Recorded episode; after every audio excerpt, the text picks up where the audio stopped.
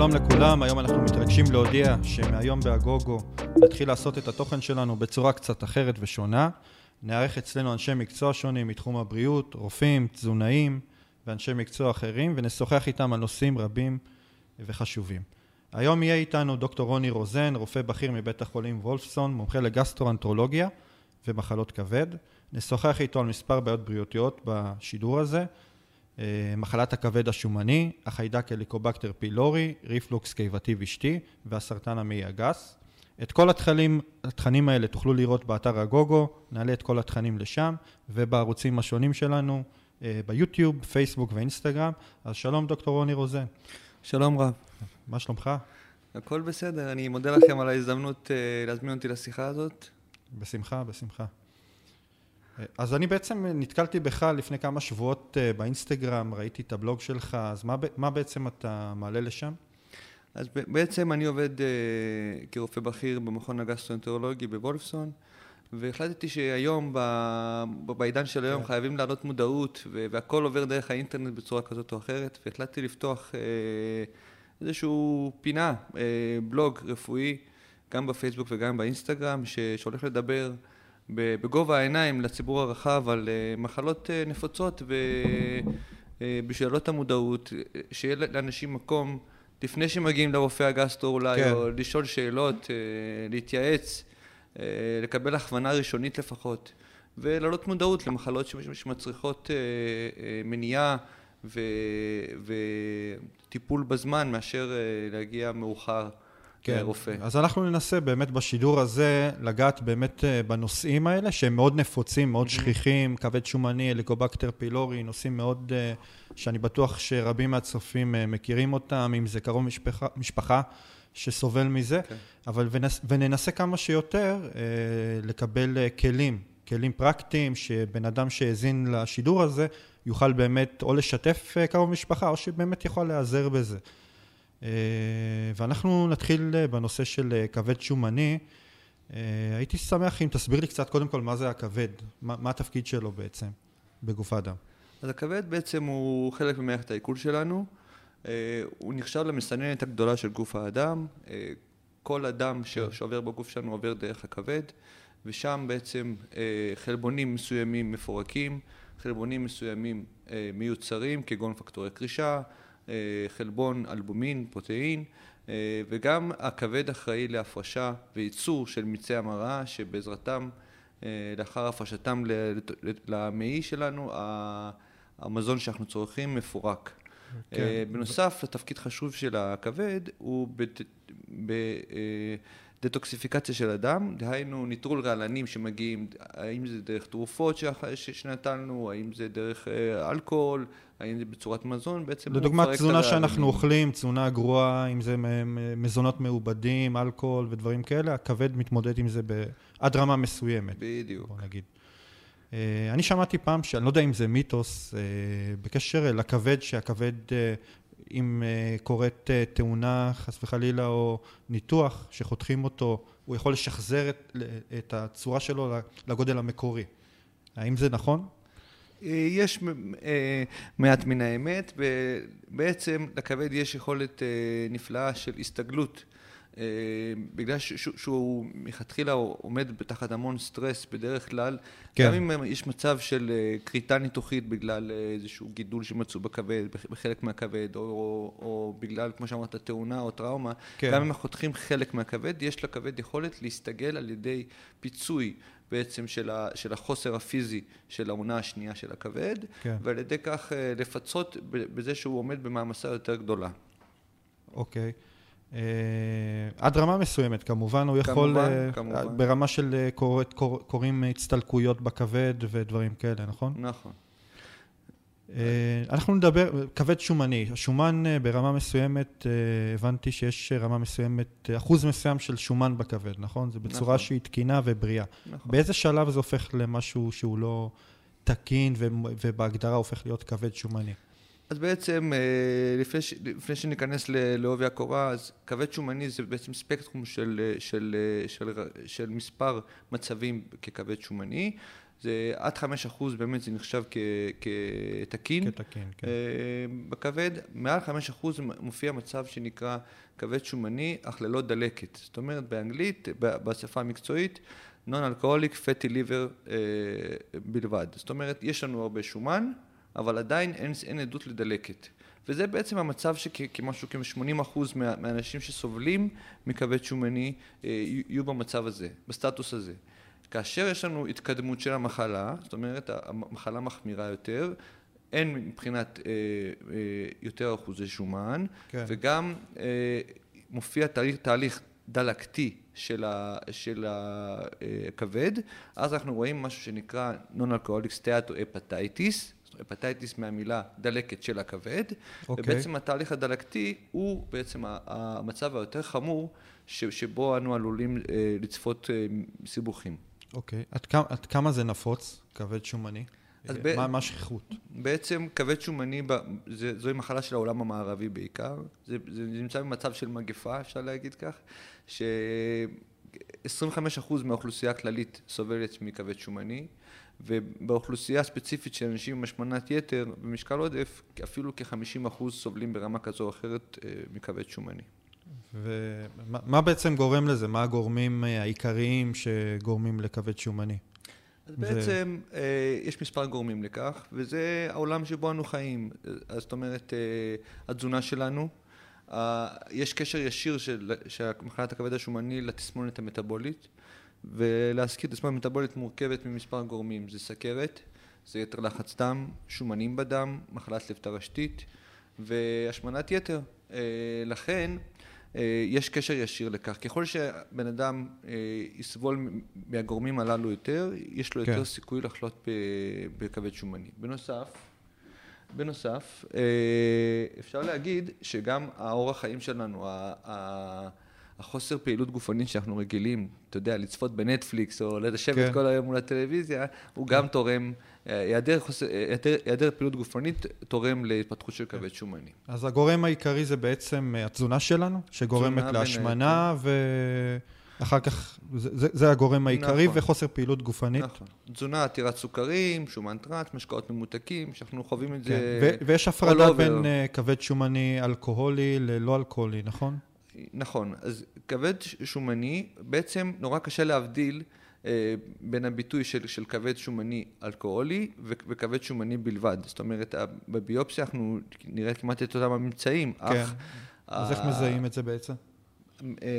זה התפקיד שלנו הרופאים, בזה שאנחנו שואלים את המטופל ומנסים להוציא ממנו מידע, לדלות מידע, עד כמה הוא חשוף כן, לאלכוהול. אז אם בן אדם אומר שהוא שותה הרבה אלכוהול, אז רוב הסיכויים שהוא יהיה סובל מכבד כן. שומני אלכוהולי. וכמובן שאם בן אדם יש לו את כל מה שאמרתי, תסמונת מטבולית, והוא מוסיף לכך שתייה של אלכוהול, אז הוא בסיכון כ... מוגבר. אז עוד, עוד יותר אה, מעלה את הסבירות לכבד שומני. אוקיי, אז אה, בעצם אה, בן אדם יכול לדעת שהוא סובל מכבד שומני? יש איזה תסמינים שאני יכול לדעת... שאני סובל מהבעיה הזאת?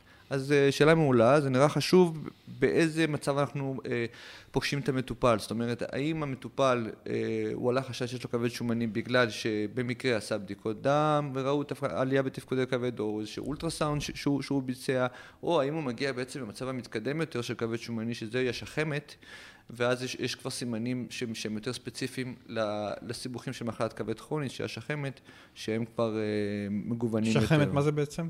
שחמת זה בעצם המצב ה, ה, הכי מתקדם, החמור, יותר החמור של... ביותר של, של מחלת כבד כרונית כלשהי. ו- וגם בכבד שומני. זאת אומרת, יש לנו כבד שומני, יש לנו תמונה יפה ש- שהבאתי של, של השלבים שלנו. אתה יכול להקרין לנו אותה. כן, יש לנו את, ה- את הכבד התקין מצד שמאל, כן. יש לנו את הכבד השומני ללא הדלקת, אה, זו השקופית השנייה, והשלישי זה כבר הדלקת והכבד השומני, ועם הזמן, עקב הדלקת מופיע הצטלקות של הכבד.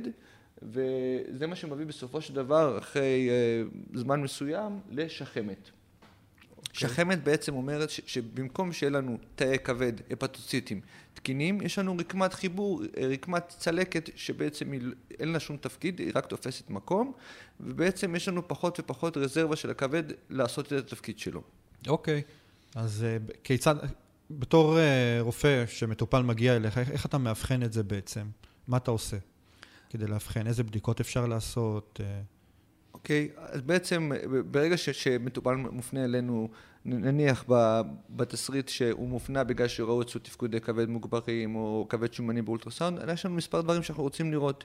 קודם כל לראות האם יש מחלות רקע, האם יש מחלות כבד כרוניות אחרות, נגיד הפטיטיס C, אה, אה, וירוס, או האם יש מחלות תורשתיות של הכבד, האם באמת, כן. כמו שאמרת מקודם, האם הוא שותה אלכוהול בצורה כרונית, זה אחד, בנוסף, זה התשאול שלנו בעצם, כן. זה השלב הראשון. אחרי זה אנחנו משתמשים בבדיקות הדם, הפרעה בתפקודי כבד, האם יש סימנים, רמזים עקיפים בעצם, על ידי זה שאנחנו רואים שיש לו סכרת, שיש לו אה, אה, טריגליצרידים, כולסטרול מוגבר, בעצם יש לו יותר לחץ דם אה, לא, לא, לא מאוזן. כל הדברים האלה נותנים לנו איזשהו אה, בסיס לבנות את הקייס שלנו שיש לבן אדם באמת כבד שומני ולא משהו אחר.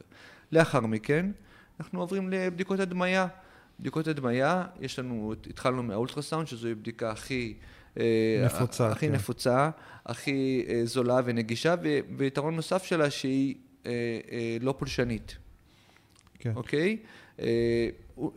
אה, הוא, נותן לנו באמת את החשד שמדובר בכבד שומני, ויכול לתת לנו אפילו מידע מדויק יותר, אבל יש בדיקות יותר, יותר טובות, בדיקות כמו CT, שיכולה, בפרוטוקול מיוחד של הכבד, שיכול להדגים האם יש לא רק כבד שומני, אלא גם סימנים של שחמת, האם יש שינויים... אז כשמטופל מגיע, הוא מגיע לאולטרסאונד בעצם, הוא מגיע לעשות בדיקת אולטרסאונד, והוא בהכרח יעשה גם אה, בדיקות CT, או שלפעמים מגלים את זה באולטרסאונד? לאו דווקא, צריך, צריך לזכור שהאולטרסאונד, קודם כל, זה, זה בדיקה ש, ש, שתלויה במבצע, זאת אומרת, כן. המבצע צריך לפענח אותה, כן, כי אם, אם הוא לא שם את המטמר כמו שצריך, אז, אז הוא יכול לראות דברים אחרים לגמרי.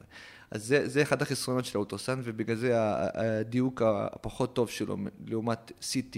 כן. CT זה, זה תמונה אה, מוגמרת בעצם, ואז המפענח רואה דברים אובייקטיביים, והוא קובע את ה... את, ה, את, את ההבחנה על ידי הממצאים ב-CT. בדיקה חדישה יותר, ש, שנכנסה לארץ בשנים האחרונות, אה, נקראת פיברוסקן. כן. פיברוסקן זה בעצם סוג, תת סוג של, של אולטרסאונד, זה בעצם מכשיר דמוי אולטרסאונד שבעזרת מתמר ייחודי שמוצמד לכבד, אה, יכול למדוד שני פרמטרים. אחד, רמת פיברוזיס. דלקת פיב... פיברוזיס בעצם? זה הצלקת. אה, אוקיי, צלקת. רמת הסתלקות, ועוד נוס... אה, מדד נוסף, אחוז השומן בכבד. שתי הדברים הללו אה, נותנים לנו בעצם את, ה... את המידע הנוסף, האם זה לא, לנו... זה לא מכשיר פולשני, נכון? לא, ממש הבדיקה. לא. זו בדיקה שאורכת כחמש דקות, לא יותר. אה, ובעצם שני הבדיקות, שני המדדים האלה אומרים לנו, האם יש לנו כבד שומני בלבד, או שיש לנו גם כבר תהליך של הסתלקות, שזה בעצם מכוון אותנו לשלב היותר מתקדם של הסטיאטו-הפטייטיס, שהוא יותר מסוכן לעתיד. אז למה בעצם לא עושים את זה ישר? לא עושים את הבדיקה הזאת ישר? אז קודם כל... יותר מורכב אה, לעשות אותה או יותר אה, יקרה? אז זהו, אז אה, הבדיקה הזאת בארץ כרגע היא, היא, היא בסל הבריאות רק בהתוויה אחת, שזה חולים עם הפטיטיס C. לפני טיפול, הם מקבלים את הבדיקה בחינם. כל שאר ההתוויות, לצערי, יכול להיות שבעתיד זה ישתנה, אה, הבדיקה עולה כ-500 שקלים, ודרך אגב, גם אצלנו לאחרונה בוולפסון רכשנו מכשיר חדיש ביותר, של הפיברוסקן, ואנחנו מבצעים את הבדיקות לקהל הרחב. אה, מה שהבדיקה הזאת טובה מאוד, אה, היא יכולה להגיד לנו את שתי הקצוות, זאת אומרת, האם יש לבן אדם האם יש לו קצת, אה, כמות קטנה מאוד של שומן וכמות קטנה מאוד של, של הסתלקות פיברוזיס, ואז יהיה לנו F0, F1, ואת את, את הקצה השני, שזה F3, F4, שזה הדרגות היותר מחמירות, ש, שזה בעצם מכוון אותנו למצב של שחמת. אוקיי. ו... כמובן שהחידוש והיתרון של הפיברוסקן, שהבדיקה הזאת בעצם החליפה בהרבה מצבים, את הגולד סטנדרט, את, ה, את, ה, את הבדיקה הכי מדויקת למחלות כבד, שזה ביופסיית כבד. היא הייתה בדיקה קודמת לבדיקה הזאת? ביופסיית כבד היא איתנו כבר המון סטנדרט. המון שנים, כן. כן. ומה זה ביופסיית כבד? זו בדיקה פולשנית. זה, זה דיקור של הכבד על ידי מחט, תחת אולטרסאונד, okay. אוקיי. תחת CT, שבעזרתה אנחנו לוקחים רקמה של הכבד, ואז תחת מיקרוסקופ כן. מסתכלים על, uh, על, על התאים של הכבד ומאבחנים את המחלות האפשריות. אז, כן, אוקיי, אז אחרי שהבנו את ההקדמה הזאת, קיבלנו את ההקדמה הזאת ממך, איך בעצם מטפלים, שזה באמת משהו חשוב, ואם אנחנו סובלים מכבד שומני, אפשר לעשות עם זה משהו? קודם כל, אני אחלק את התשובה שלי לשני שלבים. יש מה לעשות ויש הרבה, כן. אבל אין לנו את ה, את ה- one pill fits all, זאת אומרת, אין לנו... אין תרופת את פלא. הק... בדיוק, תרופת פלא שאתה נותן והכל בסדר והכל נגמר. אה, אני, אני כן אגיד שיש יש כרגע מירוץ משמעותי בין חברות התרופות הגדולות והמובילות בעולם, שהם מקצים משאבים רבים ויש המון מחקרים שרצים כבר בפייס 3 למציאת אה, תרופות שעוזרות לטפל בכבד השומני, הן מבחינת הדלקת, הן מבחינת רמת ההצטלקות והן מבחינת הגירת שומן. אה, אני מניח שבעוד כמה שנים אנחנו נראה ניצנים של תרופות אפשריות.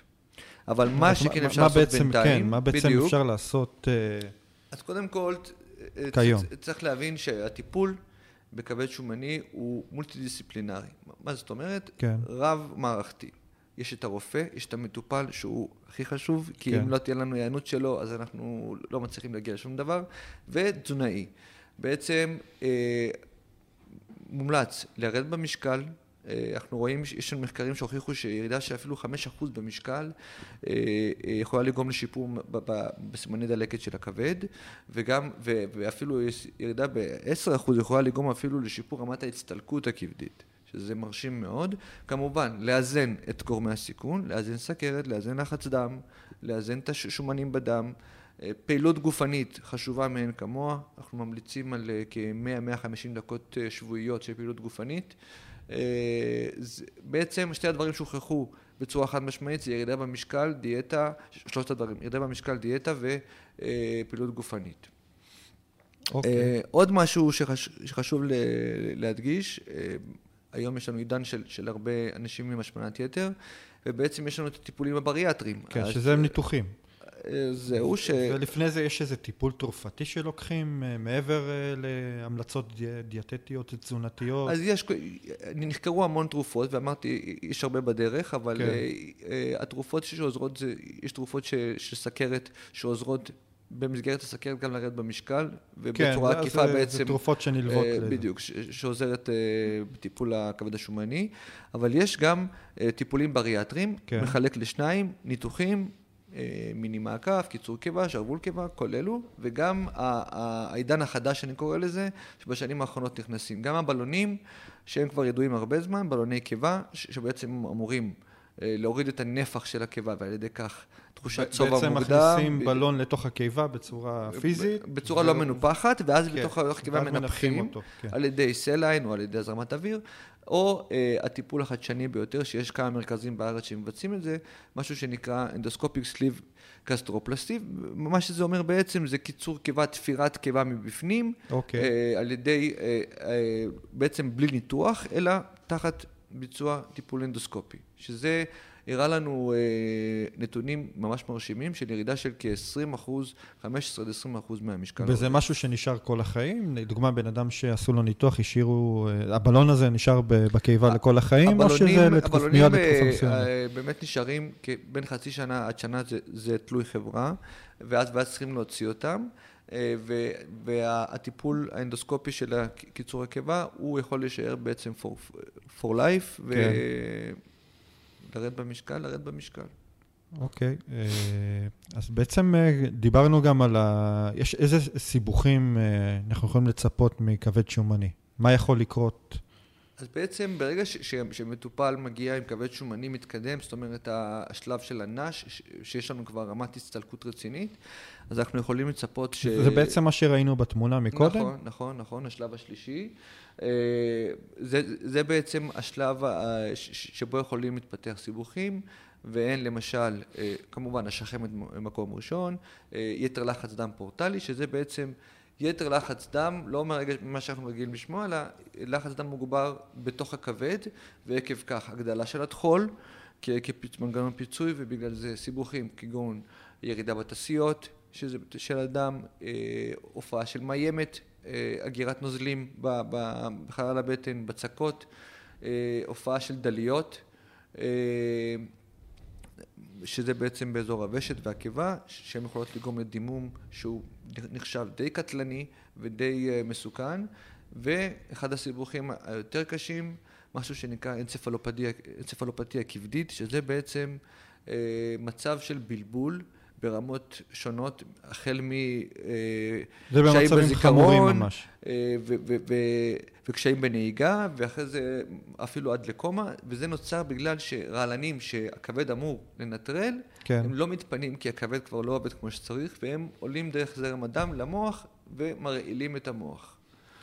אז בעצם מה שהבנתי שהרוב המכריע של הכבד השומני של אנשים שסובלים מכבד שומני יכולים אה, לצמצם את ההשפעה של, אה, של המחלה הזאת באמצעות ירידה במשקל, אה, שמירה על אורח חיים של פעילות גופנית, mm-hmm. וככה אפשר לצמצם בעצם. זאת ההמלצה הגורפת. בוודאי. ל- לרוב האוכלוסייה.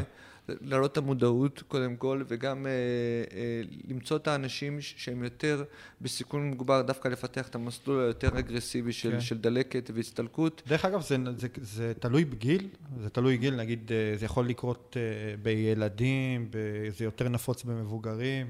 מן הסתם, אה, ככל שעולים עם הגיל, אז הסבירות, הסיכון לכך כן. הוא יותר גובר. אבל גם, גם צעירים. אבל גם צעירים, צעירים אנחנו רואים, וגם צעירים ורזים רואים אה, עם מחלת כבד שומני, ויש כן. גם מרכיבים גנטיים.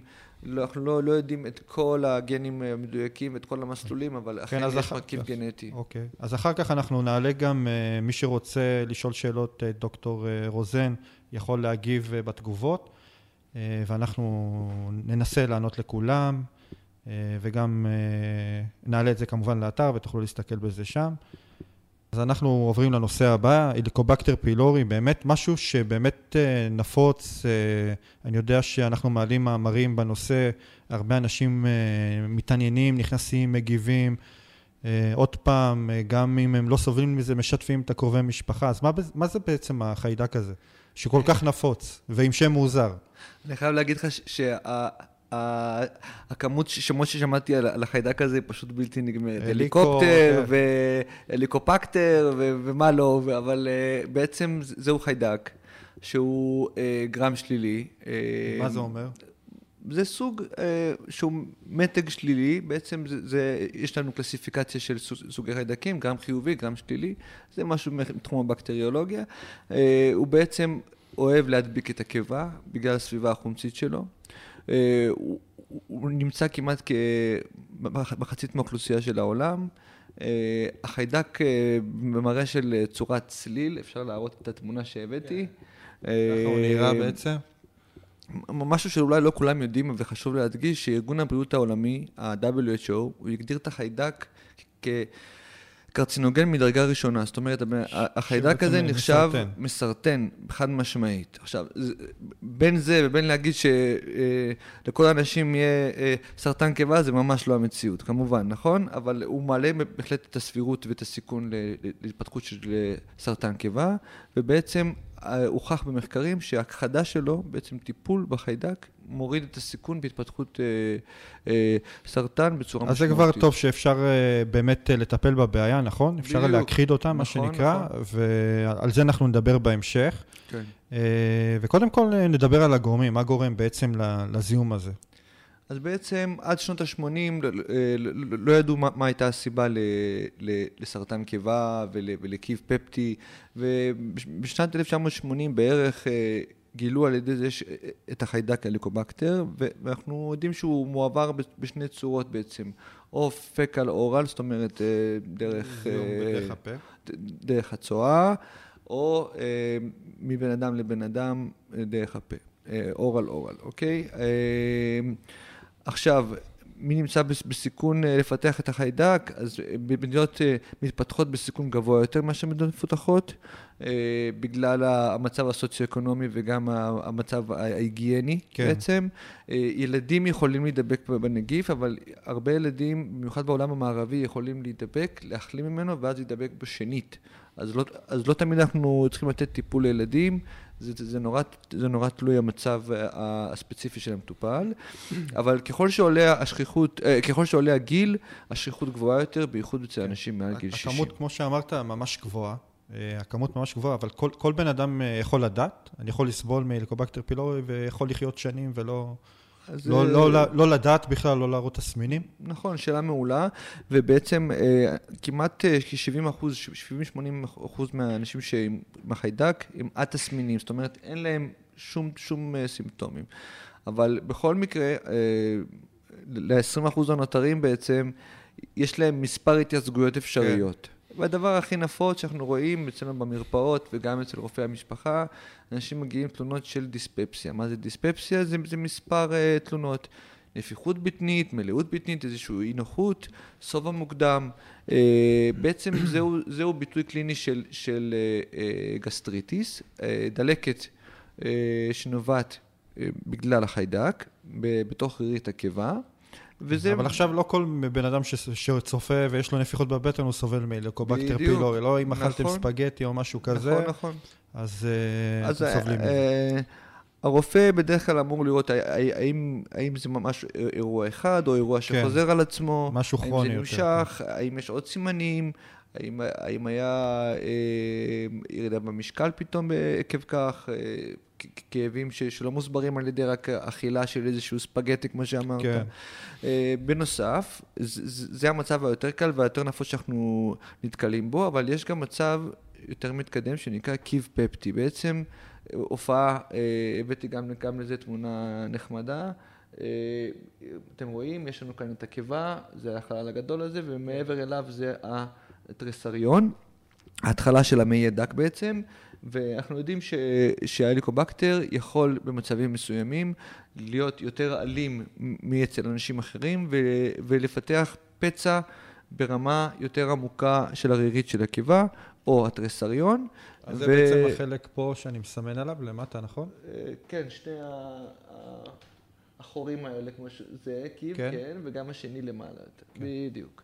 אז אלה בעצם אה, קיבים שיכולים לגרם מהליקובקטר, וזה יכול לגרום לכאבים יותר חמורים, יותר מטרידים, אה, כאבים למשל אה, שמאירים משינה בלילה, כאבים שנמשכים לאורך יותר זמן, ואפילו יכולים להגיע עד כדי מצב של דימום או התנקבות, זאת אומרת חור בקיבה או, או בתריסריון, ואז החולים האלה מובאים למצב של ניתוח או טיפול אנדוסקופי. כן, אז מה, בעצם, מה, מה אה, בעצם התסמינים אה, הנפוצים שקשורים לליקובקטר פילורי? אה, אם אפשר לעבור אחד-אחד. בדיוק. אז, אז אמרנו, תחושת מלאות, הרגשת נפיחות בטנית, לפעמים גם ירידה במשקל יכולה להיות בגלל הכאבים וה, והפחד מלאכול, איזשהו חוסר תיאבון, גיוקים. אוקיי. בגדול זה. אוקיי. אה, ובעצם כשמגיע לך מטופל, אה, בן אדם, אה, איך, איך אתה בודק, איך אתה מזהה את זה בעצם? מה, מה רופא עושה כדי לזהות את הבעיה? אז חוץ מהתשאול הראשוני של, של הסימפטומים של המטופל, יש לנו מספר בדיקות שאנחנו יכולים לעשות. קודם כל, הבדיקה גופנית זה חלק בלתי נפרד מהתחום שלנו. ואנחנו רוצים לראות האם יש רגישות בטנית, למרות שזה לא סימן ספציפי מאוד, אבל זה לפחות נותן לנו כן. איזשהו כיוון, האם, האם יש משהו חמור שאנחנו צריכים אה, לחפש, או שאפשר לעשות בדיקה יותר שגרתית ומסודרת. אז אה, יש לנו את הבדיקת הנשיפה, שבעצם המטופל אה, צריך לבלוע חומר מסומן, שכאשר הוא מגיע כן. לקיבה, ואם יש חיידק אלקובקטר, הוא מתקשר איתו, ולאחר מכן, אה, בבדיקת הנשיפה החוזרת, אנחנו רואים שיש עדות לחיידק, לאוריאז, משהו שהחיידק מפרק, ו, אה, וכך על ידי אה, מבינים שיש לנו אליקובקטר למטופל. אוקיי. Okay. אז בדיקת נשיפה זוהי, זוהי בדיקה שזמינה לכולנו במרפאות, גם אצל רופאי משפחה וגם אצלנו הרופאים. יש בדיקות נוספות שאפשר לבצע, אה, בדיקת אנטיגן בצואה, בעצם זה מה שהוא מחפש, את השאריות של המידע הגנטי של החיידק הליקובקטר, וזה יכול, יכולים לבצע בצואה, זה בדרך כלל מבוצע אצל ילדים, בגלל שהם לא, לא מצליחים לשתף פעולה okay, אוקיי, בבדיקת כן. הנשיפה, או מצבים כאלה שיש לנו בחוץ אה, קורונה, והמרפאות מפחדות ל... להתמודד מול הנשיפה. כל העניין של הנשיפה, כי זה מעובר בנשיפה. אה, וכמובן, הבדיקה הכי טובה, כמו שאמרנו מקודם, הגולד סטנדרט, זה הביופסיה, ביופסיה מנירית הקיבה, שזה מבוצע בזמן אנדוסקופיה, זאת אומרת, ב... אנחנו נוכל לראות על ידי אה, נטילת דגימה מהקיבה, אה, אחרי צביעות מיוחדות, נוכל לראות את החיידקים עצמם, וזה בעצם יוכיח לנו שיש לנו את החיידק. כן, אז מה בעצם הסיבוכים האפשריים אז uh, כמו שאמרתי מקודם, יש את הקיב פפטי, זאת אומרת, קיב פפטי שיכול להיות עם דימום או ללא דימום, וזה מצריך טיפול. כן, אז בעצם זה דומה לתסמינים? כן. אין משהו מיוחד uh, שיכול להיגרם אם לא, לא מטפלים בזה בזמן? אז ש... זהו, אז עם, עם הזמן, כמו שאמרתי עוד בתחילת השיחה בנוגע ללקובקטר, שיכול להתפתח מצב או של סרטן קיבה, קלאסי, כן. אדנוקרצינומה, כן. או משהו שנקרא מלטומה, שזה בעצם מחלת לימפומה של הקיבה. ופרט מעניין, שזאת אחת המחלות הנדירות שאפשר לטפל לא על ידי טיפולים כימיים, אלא על ידי טיפול אנטיביוטי. שבעצם כן. בזה שאנחנו מטפלים בחיידק ההליקובקטר, הלימפומה עצמה נעלמת, שזה משהו שהוא, או, שהוא כן. די uh, פיקנטי ברפואה כן. אצלנו. אז אה, בעצם איך מטפלים, איך, אה, איך, איך, איך מטפלים בחיידק הזה? אה, למרות מה שאני שומע ברשת ובשיחות, כל מיני טיפולים הוליסטיים וכאלה, אני, אני, לא, אני לא שולל אותם, אבל מבחינתי כרופא, הדבר היחיד, היחיד ש, שמוכר ומאושר ב, ב, ב, בעולם הרפואי זה טיפול תרופתי, בדרך כלל זה טיפול ש, שהוא שילוב של כמה תרופות, אחת, תרופת PPI, זאת אומרת תרופה ש, שעוזרת להוריד את החומציות של הקיבה, כגון אה, נקסיום או מפרדקס או מפרזול, לנטון וכאלו, אה, עם שילוב של 2-3 אה, אנטיביוטיקות אה, נוספות, שבעצם ביחד הסינרגיזם שלהם הוא מה שעוזר לחסל את החיידק. כי יחסית, אה, אם, אם נותנים רק טיפול אחד אה, בלבד, אז החיידק יחסית עמיד ויכול אה, לפתח עמידות ולא להיכחד בעצם. לכן חשוב, קודם כל, כ, כטיפ לאנשים שלא הולכים לקחת טיפול, להתמיד בטיפול, זאת אומרת, לקחת את הטיפול מההתחלה עד הסוף. כן. לא לפספס מנות, בעצם לא להפסיק באמצע. יכול לפעמים להופיע בגלל האנטיביוטיקות איזושהי מין נעימות, אי נוחות, אה, שלשול, קצת אה, נפיחות בטנית, בחילה, אבל אם זה לא משהו שהוא קריטי כמו איזו אלרגיה רצינית, אני תמיד ממליץ אה, להמשיך את הטיפול עד הסוף. לנסות לקחת את הטיפול כמה שאפשר, כמה המינימום המקובל הוא, מינימום הוא עשר, עשרה ימים, ימים, אבל אפילו מומלץ עד 14 יום.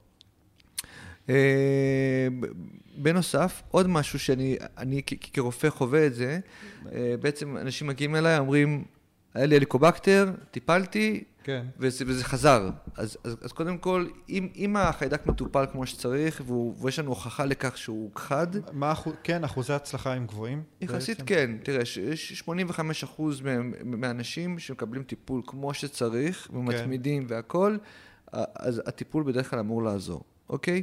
אה, אנחנו, מאוד חשוב לנו כרופאים לראות גם וידוי שבאמת החיידק הוכחד, זאת אומרת שהוא טופל. ואיך בודקים את זה? בסופו של דבר עושים את אותן בדיקות כדי, כמו שעשינו בהתחלה, אנחנו עושים אה, אה, רוב הזמן בדיקת נשיפה כחודשיים, חודש וחצי אחרי תום הטיפול, לראות שהחיידק כבר לא נמצא בקיבה, וזה בעצם אומר לנו שהחיידק טופל. עכשיו, לעומת מה שאנשים חושבים, ברגע שהחיידק טופל, הסבירות להידבק שנית בחיידק היא נורא נורא נמוכה.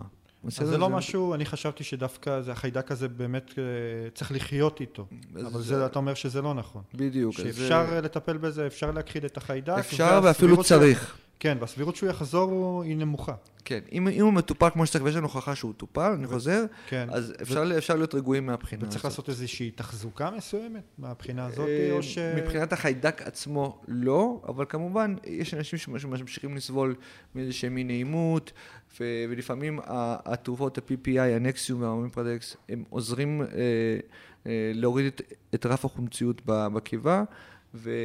ולהרגיש טוב יותר, להימנע מכאבי בטן בעצם. אה, אוקיי, אז בעצם אפשר לגשת, יש איזה טיפים כלליים שאתה יכול לתת למי שסובל כרגע מליקובקטר פילורי, ואיך...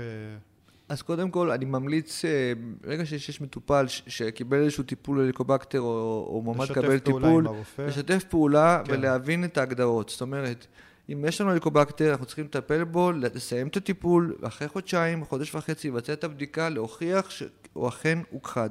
זה משהו שהוא קריטי מאוד. וברגע שהוא הוכחד, להיות רגועים על זה שהוא לא, הוא לא חוזר. להיות סבלנים ולתת אמון ברופא ובטיפול עצמו. בדיוק, ולהבין שיש גם מצבים שלא לא תמיד הליקובקטר מסביר את כל הצרות שיש לנו בבטן. בסדר? יכולים כן. סיבות אחרות לכאבי בטן ולנפיחות בטנית. זה לא רק הליקובקטר עצמו, יש הרבה בדיוק, מחלות כן. אחרות. כן. בסדר. אוקיי, okay. אוקיי. okay. אז uh, בסדר. נעבור לרפלוקס. נעבור לרפלוקס, כן.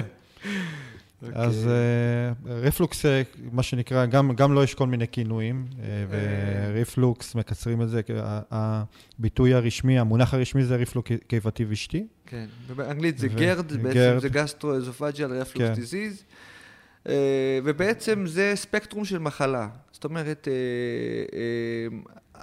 אנשים בציבור מכירים רפלוקס עושה להם צרבת ודעצית, אבל זה לא רק בעצם, זה, זה יכול להיות אה, אה, ביטויים נרחבים של המחלה, ואני תכף אגיע לזה, רק לפני זה הייתי רוצה להגיד מה, מה בעצם המנגנון של הרפלוקס הווישטי. כי אני חושב כן. שאני תמיד אוהב להסביר למטופלים שלי, נכון? כן, כן. אני תמיד אוהב להסביר למטופלים שלי שאת המנגנון בצורה מפושטת בשביל שהם יבינו מה הבעיה, ועל ידי כך להעלות את המודעות ולעזור להתגבר על, ה, על הרפלוקס. אז ככה, רפלוקס נוצר לנו כאשר אה, אם אתם רואים את ה... כן, בדיוק. אז יש לנו את הוושת מלמעלה ויש שם שסתומים, איפה שהחצים, ובדרך כלל, בדיוק, הוא אמור להיות סגור, אלא אם כן אה, מגיע לתוך הוושת אוכל, מזון אה, ונוזלים. ואז יש לו איזשהו הורמונים שמצייתים לו להיפתח ולהעביר את המזון הלאה לקיבה. כן, זה מצב נורמלי. השסתום הזה נקרא LES, Lower Esophageal Sphincter. כן. וזהו כמו שסתום כמו שריר.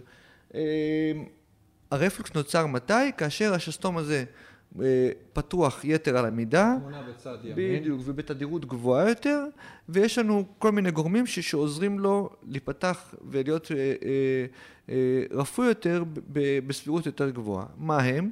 אז באמת, השמנת יתר, זאת אומרת, בגלל שיש לנו לחץ תוך בטני מוגבר בגלל השמנה ויסרלית, אז, אז, אז יש לחץ על השרעפת, וזה בעצם פותח... זה, זה לא לחץ שניגע בבת אחת, זה לחץ שעם השנים מן הסתם, נכון? זה לחץ, כן, לחץ קיים כל הזמן. זה לא שאם אכלתי עכשיו ארוחה כבדה, אז... אה, נכון. אז יכול להשפיע על זה בצורה חד פעמית. אז יש לנו עוד מצב שנקרא בקע שרפתי, שזה בעצם כן. היווצרות של כיס אה, אה, בין הוושת לקיבה, ובעצם הכיס הזה הוא משמש כמאגר של מיצי קיבה שעולים כלפי מעלה ועוד יותר מחמירים את הרפלוקס. אה, נשים בהיריון, בגלל שיש להם את הלחץ הפיזיולוגי של העובר ושל הבטן, אה, יש גם יכולות לסבול בדיוק, מזה? וזה עובר אחרי ההיריון? בדיוק, אנחנו, מגיעים אלינו הרבה נשים בהיריון שמצריכות טיפול בתרופות לרפלוקס, ואחרי הריון אנחנו רואים שזה חולף אצלם.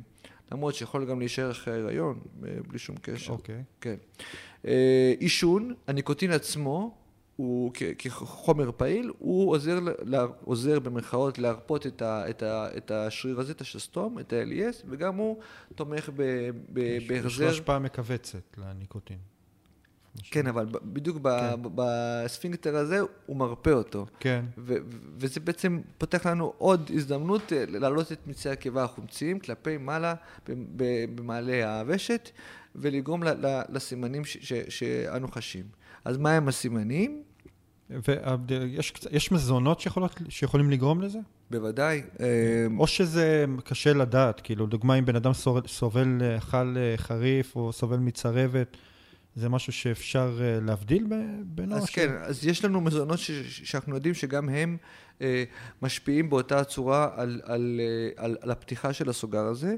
אז מזונות חריפים, אה, מזונות חומציים כמו פירות הדר, אה, לימונים כן. למיניהם. אה, אנחנו יודעים שאוכל מטוגן, מטוגן. אה, ירקות מסוימים כמו עגבניות. אה, מנטול, שאנחנו לוקחים סוכריות מנטה, גם המנטול עצמו יודע להרפות את השריר של, ה, של הוושת, וכל התזונה הזאת, שוקולדים, מתוקים, קפאין, אלכוהול, כל הגורמים האלה יכולים כן. אה, להחמיר בעצם אה, את הצרבות ואת ה, את הרפלוקס. ותמיד כשאנחנו ניגשים לטיפול באנשים שסובלים מרפלוקס, לפני שמגיעים לתרופות, למרות הדעה הרווחת, אני אישית מתחיל בהמלצות המלצות של אורח חיים, אוקיי? לרדת במשקל, תזונה נכונה, מאיזה מחלים להימנע. יש אנשים שאוהבים הרבה, הרבה מאוד חריף, אני אומר להם, חברים, צריך טיפה לחתוך בחריף. זה, אתם אוהבים חריף, אבל זה יעשה לכם צרבות, זה בחירה שלכם. בנוסף, אה, אה, לא לאכול לפני שינה, אה, שעתיים שלוש, זה גם מומלץ. המלצות כאלה, שבין, זה, זה השינוי באורח חיים, בנוסף, השינוי בתזונה והתרופות שלנו, אנחנו מגיעים לתוצאות יפות מאוד בטיפול. זה בעצם, ואיך אתה מאבחן את הבעיה? אז... איך אפשר אה, לזהות אותה שהיא אכן ריפלוקס ולא איזה בדיוק. צרבת חולפת או אז, צר, צרבת כרונית? במידה וזה מטופל מתחת לגיל 55, 60, אה, אז אנחנו יוצאים מנקודת הנחה שרוב הסיכויים אין לו איזושהי מחלה אה, מסכנת חיים כמו סרטן או משהו כזה, ולכן אנחנו, מספיק לנו לפעמים רק מהסיפור של המטופל ב, על, על הסימנים שהוא סובל מהם, אפילו בלי בדיקות אינדוסקופיות, זה מספיק לנו בשביל לתת הבחנה אה, של רפלוקס כן. ולתת המלצות וטיפול. עכשיו, אז, אה, יש, כן. יש הרבה סימנים אה, שהם לא קלאסיים. יש, יש לנו צרבת, שזה הדבר הכי קלאסי שאנחנו כן. מכירים, יש לנו איזשהו אה, אה, כאבים בחזה שורפים, שהם אפילו יכולים לדמות אה, אה, התקף לב, לב. ו- ולפעמים באנשים מבוגרים אנחנו, אנחנו ממליצים קודם כל לשלול שאין לנו מחלת לב פעילה, לפני שאנחנו מחליטים שזה רפלוקס, וזה באמת יכול להיות... אה, אה, אחד התסמינים, קושי בבליעה, כאב בעת בליעה, בגלל שיש סימנים של דלקת פעילה. אה, דברים פחות קלאסיים ש- שהם לא בעצם ושתיים פר סה זה צרידות, אה, שיעול כרוני, אה, קחקוך. אה, הסימנים הללו הם בעצם סימנים שהם נורא אופייניים כן. לרפלוקס. אז הטיפול בעצם הוא טיפול תזונתי, בעצם זה, זה הטיפול העיקרי ש, שאת, שאתה עושה? שמטופל מגיע אליך, או שגם שילוב עם תרופות? אנחנו רופאים, אז uh, התזונה זה לא מספיק בשבילנו כן. כמעט אף פעם. כמובן כן. שאני מאמין ש, שחייב לשלב גם תזונה נכונה, וגם אה, טיפול תרופתי נכון. ואיזה אה, תרופות נפוצות במקרים האלה? אנחנו נותנים תרופות שאמורות להוריד את רמת החומציות בקיבה. דיברנו עליהן מקודם באליקובקטר, שזה ה-PPIs, הנקסיום, המפרודקס, הם בעצם מורידים את רמת החומציות בקיבה. המיצי קיבה פחות חומציים, ובעצם אפילו אם הם יגיעו לאזור של הוושט, תהיה פחות פגיעה פחות צריבה, פחות פגיעה מכנית של הוושט, ויהיה לנו פחות דלקת של הוושט. זה המטרה שלנו במתן התרופות הללו. אה, בנוסף, צריך להבין שיש לרפלוקס, באמת כמו שאמרתי קודם, ספקטרום של אה, מחלה. יש לנו אה, רוב החולים שאפילו אם נעשה להם בדיקת גסטרוסקופיה, אנחנו לא נראה כלום, נראה שהוושט במראה תקין, וזה רוב האוכלוסייה, בעצם יש להם דלקת, יש להם סימפטומים, אבל אין להם עדות לדלקת ברמת ה, ברמה האנדוסקופית, ברמה שאנחנו רואים פגיעה ברירית. אחרי זה יש אנשים שיש להם אזופגיטיס, שזה בעצם דלקת של הוושט פעילה, זאת אומרת שאנחנו רואים פצעים, קיבים לאורך הוושט. אה, ואנשים שיש להם לאורך זמן רב, ובעיקר אה, גברים מעל גיל 50, מעל חמש שנים של, של אה, רפלוקס אה, פעיל ולא מטופל, יש להם סיכון לפתח משהו שנקרא ברץ. ברץ זה השלב הבא בעצם של, של הרפלוקס, אה, של האזופגיטיס. זה בעצם, כמו שדיברנו קודם על הכבד, על הצטלקות, אז במקום, במקום ההחלמה של הדלקת של הוושט שיש לנו תאים קשקשיים של הוושט, שזה מה שאמור להיות בדרך כלל, מופיעים כן. תאים מסוג אחר, תאים מסוג מעי. וזה בעצם מרמז לנו שיש איזשהו שינוי שאנחנו לא רוצים לראות בוושת, אה, וזה בעצם מעלה את הסיכון להתפתחות של אה, סרטן הוושת. זה בעתיד. מקרים חמורים יותר של ריפלוקס. כמובן. אה, גם בבארט יש לנו אפשרויות טיפול מסוימות, בדרך כלל כן. אנחנו רואים את זה, אמנם לא הבאתי תמונה, אבל יש, אנחנו רואים את זה בתור לשוניות אש כאלה, כמו דרקון. אנחנו ננסה להוסיף את זה אחר אה, כך. כן, אה, אה, ואז אנחנו לוקחים ביופסיות מיוחדות מהוושט, והפתולוג בעצם אומר לנו שיש לנו, בנוסף לרירית הרגילה של הוושט, גם רירית של מעי, שלא אמורה להיות שם באופן טבעי. כן. יש, יש ניתוחים שעושים במקרים האלה? יש, זה מגיע עד כדי כך למצב שצריך לעשות ניתוח? יש מטופלים מיוחדים, קבוצת מטופלים מיוחדת, בעצם אנשים שאומרים, או, oh, אני לא רוצה שום תרופות, אני, נמאס לי מהתרופות, אני לא, לא יכול לקחת תרופות, אני לא מעוניין, מעדיף טיפול ניתוחי. אפשר להציע להם טיפול שנקרא Nissen fundoplication, זה שם הניתוח, ובעצם זה מה שאנחנו עושים, אנחנו אה, בניתוח לפרוסקופי, לא אנחנו הכירורגים, אה, מלפפים את חלק מהקיבה מעל הוושת, מסביב לוושת, ועל ידי כך בעצם מהדקים אותו יותר, ואז בעצם בצורה מכנית השסתום הזה שבדרך כלל פתוח הוא נסגר בגלל שיש לו לחץ כן. קיצוני. אה, ועוד אנשים למשל שלמרות הטיפול האולטימטיבי, ניסינו הכל, הם הקפידו, והתזונה והכל והכל והכל, לא עזר להם, אז, אז באמת אה, אה, צריך להציע למטופלים האלה ניתוח. להגיד, אה, להגיד שהרבה מגיעים לניתוח הזה, בימינו לא כל כך, אבל לכן זה עדיין קיים. אז בעצם כדי למנוע ריפלוקס, אנחנו, מה אנחנו צריכים, מה הדברים העיקריים שאנחנו צריכים לעשות? זה בעצם תזונה, להימנע ממזונות מסוימים, משקאות, אכילת מנות אה, קטנות יותר, נכון. מנות מעישון סיגריות, ירידה נכון, במשקל, נכון, כל הדברים בדיוק. גם שהם רלוונטיים גם למחלות אחרות, בדיוק, כמו שדיברנו נכון. מקודם, מלקובקטר פילורי. ירידה במשקל מאוד חשוב, כי, כי זה מפחית את הלחץ התוך בטני. הפסקת עישון, כי, כי, כי, כי דיברנו על האפקטים של ניקוטין ב, ב, ברפלוקס. כן. אה, אלכוהול. תזונה נכונה. תנוחת שינה יכולה גם להשפיע על זה? כן, מומלץ בעיקרון לשכב אה, על הצד, אה, ואם אפשר להגביה טיפה את הזווית, זאת אומרת על ידי הוספה של כרית, כן. בשביל שיהיה לנו פשוט אה, בצורת כוח המשיכה, שיהיה לנו פחות אירועים של רפלוקס כלפי מעלה. אוקיי, אז אנחנו נמשיך לנושא הבא, שהוא סרטן המעי הגס. בעצם, מה השכיחות של המחלה, של המחלה הזאת? טוב, אה, סרטן המעי הגס אה, אם אתה יכול גם להתחיל אה, טיפה בהקדמה גם על הסרטן, סוג הסרטן הזה. כן, סרטן המעי הגס בעצם מתחלק לשניים, מעי הגס והחלחולת, שזה הרקטום, ששם טיפה הגישה היא שונה והגורמים הם שונים. ובכל... אני אתרכז הפעם דווקא במעי הגס עצמו. זה, זה, זה סרטן השלישי בשכיחותו בעולם. אה, והשלישי הוא הרביעי ב, ב, בסיבת מוות מסרטן בעולם המערבי. אה, בעצם יש פרט מעניין שמאז שנת 1975 אנחנו, אנחנו רואים ירידה בשכיחות בסרטן המעי הגס כ-30 אחוז. והתמותה ירדה גם בכ-50 אחוז. ומה גרם? אה, למה אתה שואל? כן. בעצם תוכניות ממשלתיות, קודם כל, של גילוי מוקדם, דבר ראשון, שעליהם נדבר בהמשך, כן. שיפור בטיפולים האונקולוגיים והניתוחיים, מן הסתם, אה, וגם העלאת המודעות של הציבור להיבדק בזמן וגילוי מוקדם וטיפול מוקדם. אה, מה ש... הטרנד השני ששמנו לב, שבשנים האחרונות, במיוחד מתחילת המאה, אנחנו רואים שיש עלייה דווקא בשכיחות אצל מטופלים צעירים יותר, מה שלא היה בדרך כלל בעבר, זאת אומרת מטופלים פחות מגיל 50. ויש אפילו דיבור על כך שבעתיד אה, הקרוב, ואפילו יש כמה איגודים שממליצים על להתחיל גילוי מוקדם בגיל יותר צעיר מ-50. וידוע מה הסיבות לכך?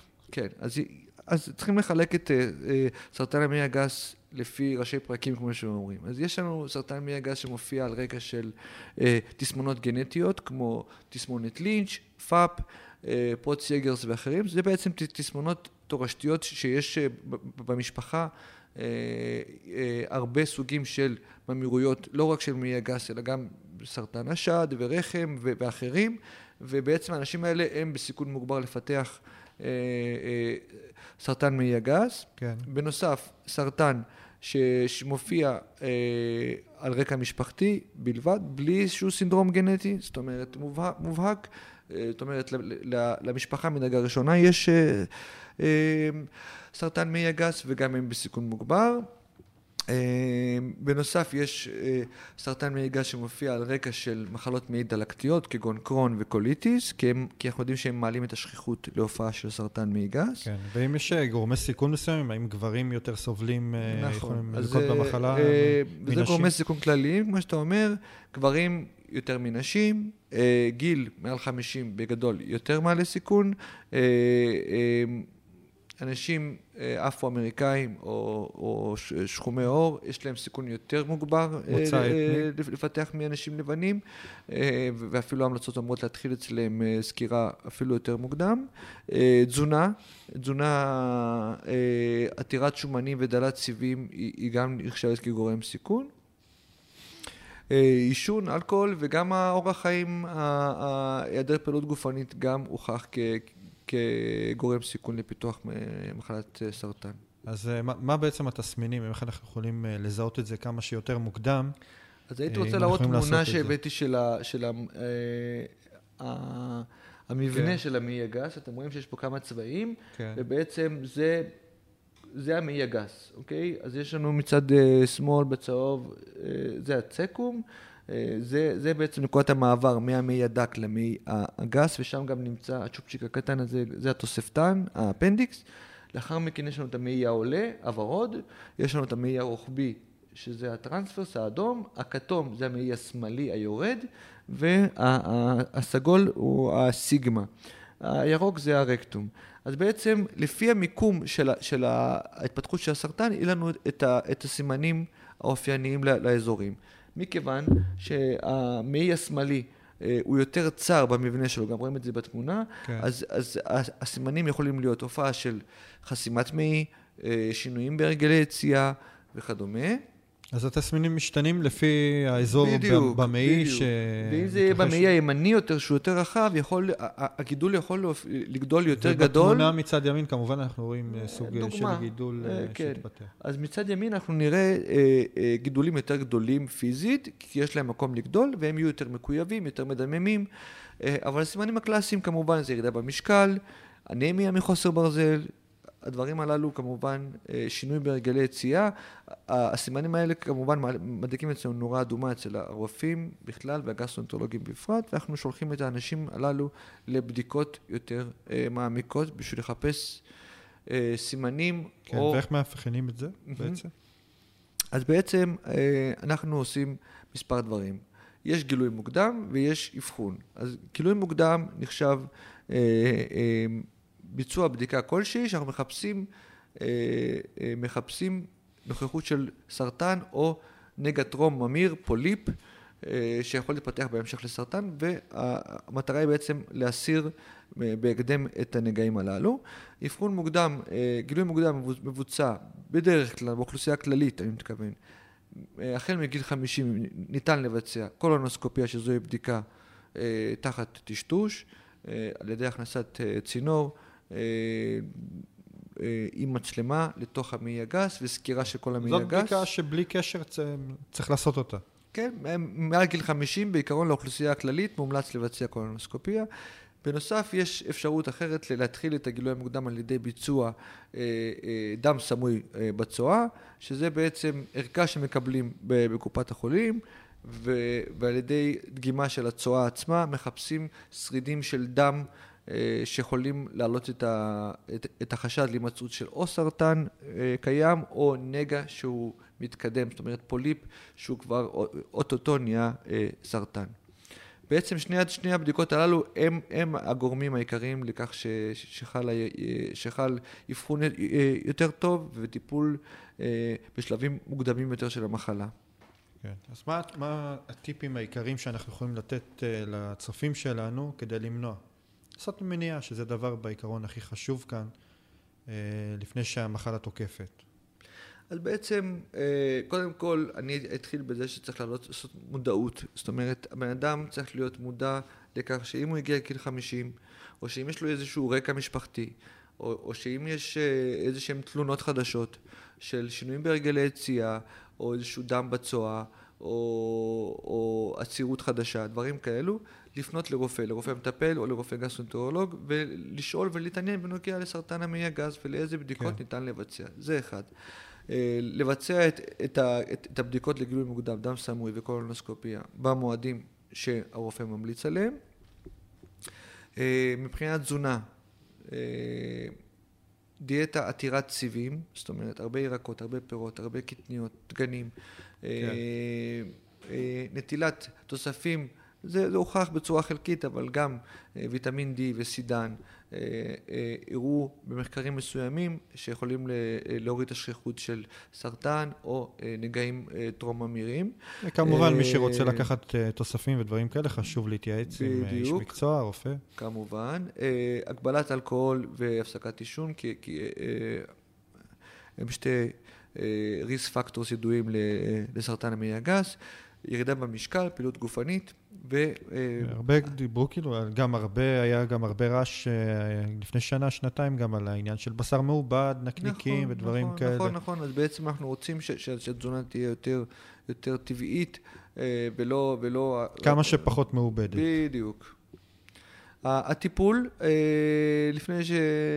נמשיך הלאה, באמת הטיפול זה, זה תלוי בהיקף המחלה, זאת אומרת, זה תלוי באיפה אנחנו מאבחנים את המחלה. הבאתי כאן עוד שקופית של המייגע, ש... הלאה, כן. אה, אלו השלבים, זאת אומרת, אתם רואים בשקופית מספר 1 שם שיש לנו פוליפ קטן שהוא אה, חודר כלפי המעי פנימה, כן. אבל הוא לא עובר את הרירית הלאה. בשלב שני הוא חודר טיפה יותר עמוק, בשלב שלישי טיפה יותר עמוק ואף אף אה, חוצה את הרירית של המעי, בשלב רביעי הוא כבר לא רק שהוא חודר את המעי, הוא גם עובר לאזורים סמוכים יותר, כמו בלוטות לימפה, אה, ואזורים מרוחקים יותר, כמו כבד, ריאות ואזורים אחרים, זה כבר גרורות.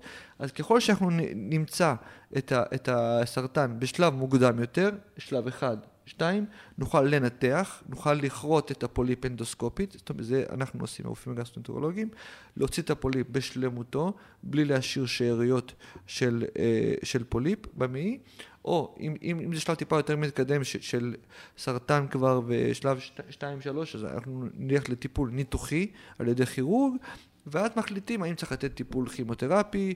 אה, ומזהים את זה אה, באמצעות בדיקה שעושים אה, פעם בשנה, כל כמה זמן עושים את זה? את הקולונוסקופיה? כן. לא, הקולונוסקופיה מבוצעת אחרי שהיא בוצעה בפעם הראשונה, זה תלוי מה, מה, מה מוצאים. זאת אומרת, אם מוצאים שיש לנו פוליפ, ותלוי כמה פוליפים ואיזה סוג של פוליפים וגודל, כל הדברים האלו, יש לנו כל מיני כן. פרמטרים, יש לנו טבלאות והמלצות, אנחנו נרצה קודם כל לכרות את כל הפוליפים, להיפטר מהם, ועל ידי כך בעצם להעלים את הסיכון כרגע להתפתחות של סרטן, ואז לקבוע למטופל בדיקה חוזרת, כי אנחנו יודעים שהמטופל הזה כבר יודע לייצר פוליפים, והוא בסיכון מוגבר משאר האוכלוסייה, ובעצם אה, לזמן אותו לבדיקה בעוד מספר שנים, בעוד שלוש שנים, חמש שנים, זה נורא תלוי בממצאים שנמצא. כן. אה, ולנסות לשלוט על עומס הפוליפים כמה שאפשר. אז בעצם אה, הגענו, דיברנו על, היום על מחלת הכבד השומני, ליקובקטר פילורי, ריפלוקס וסרטן המעי הגס. בפגישה הבאה שלנו אנחנו נדבר על נושאים אחרים. תרצה לסכם קצת איך אנחנו, מה אנחנו לוקחים מהשידור הזה? איך אנחנו יכולים למנוע את המחלות, או דגשים שלך? אז אם לשים לב, יש כמה דברים ש- ש- שנורא משותפים לכל המחלות, אפילו שהם מספקטרום כן. אחר לגמרי. קודם כל, מודעות, זה דבר ראשון. כן. אה, היענות, היענות, זאת אומרת, הרצון והשיתוף פעולה של המטופל עם ההמלצות של הרופא, והנכונות לטפל ולהקפיד על ההמלצות שלנו.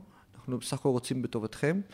אה, גילוי מוקדם של כל המחלות, זאת אומרת, אה, שים לב, בכל מחלה שאמרנו, אנחנו רוצים לגלות כמה שיותר מוקדם את, את הסימנים, כדי שלא נגיע לשלבים היותר מפחידים והיותר פסימיים ש, שדיברתי עליהם, אנחנו רוצים לגלות הכל בזמן, מוקדם, ולטפל ולהתקדם הלאה בחיים שלנו. זה הדברים ש- ש- שבעצם גם אה, הניע אותי בפתיחת הבלוג, שרציתי להעלות את כן. המודעות, כן. ואנשים שואלים אותי שאלות, אה, שאלות ספציפיות או שאלות כלליות, ואני מנסה להסביר להם ולפשט את, ה- את הדברים כדי ש- שלמטופל יהיה רצון להקשיב לרופא, ליצור איתו אמון, ו- ולהקשיב בעצותיו, וכך להרגיש טוב יותר עם עצמו. תודה רבה לך. אה, כל מי שרוצה להעלות אה, אה, שאלה בכל אחד מהסרטונים, אם זה לכל השידור עצמו, ואנחנו נעלה גם סרטונים ונחלק אותם גם באינסטגרם, בפייסבוק, מוזמנים להגיב לנו וננסה שדוקטור רוזן יענה לכולכם. וכמובן, אתם יכולים מוזמנים לעקוב אחרי דוקטור רוזן באינסטגרם ובפייסבוק, אנחנו נשים כישורים ליד הסרטונים, ותודה רבה לכם. תודה, תודה רבה, רבה לכם. לך.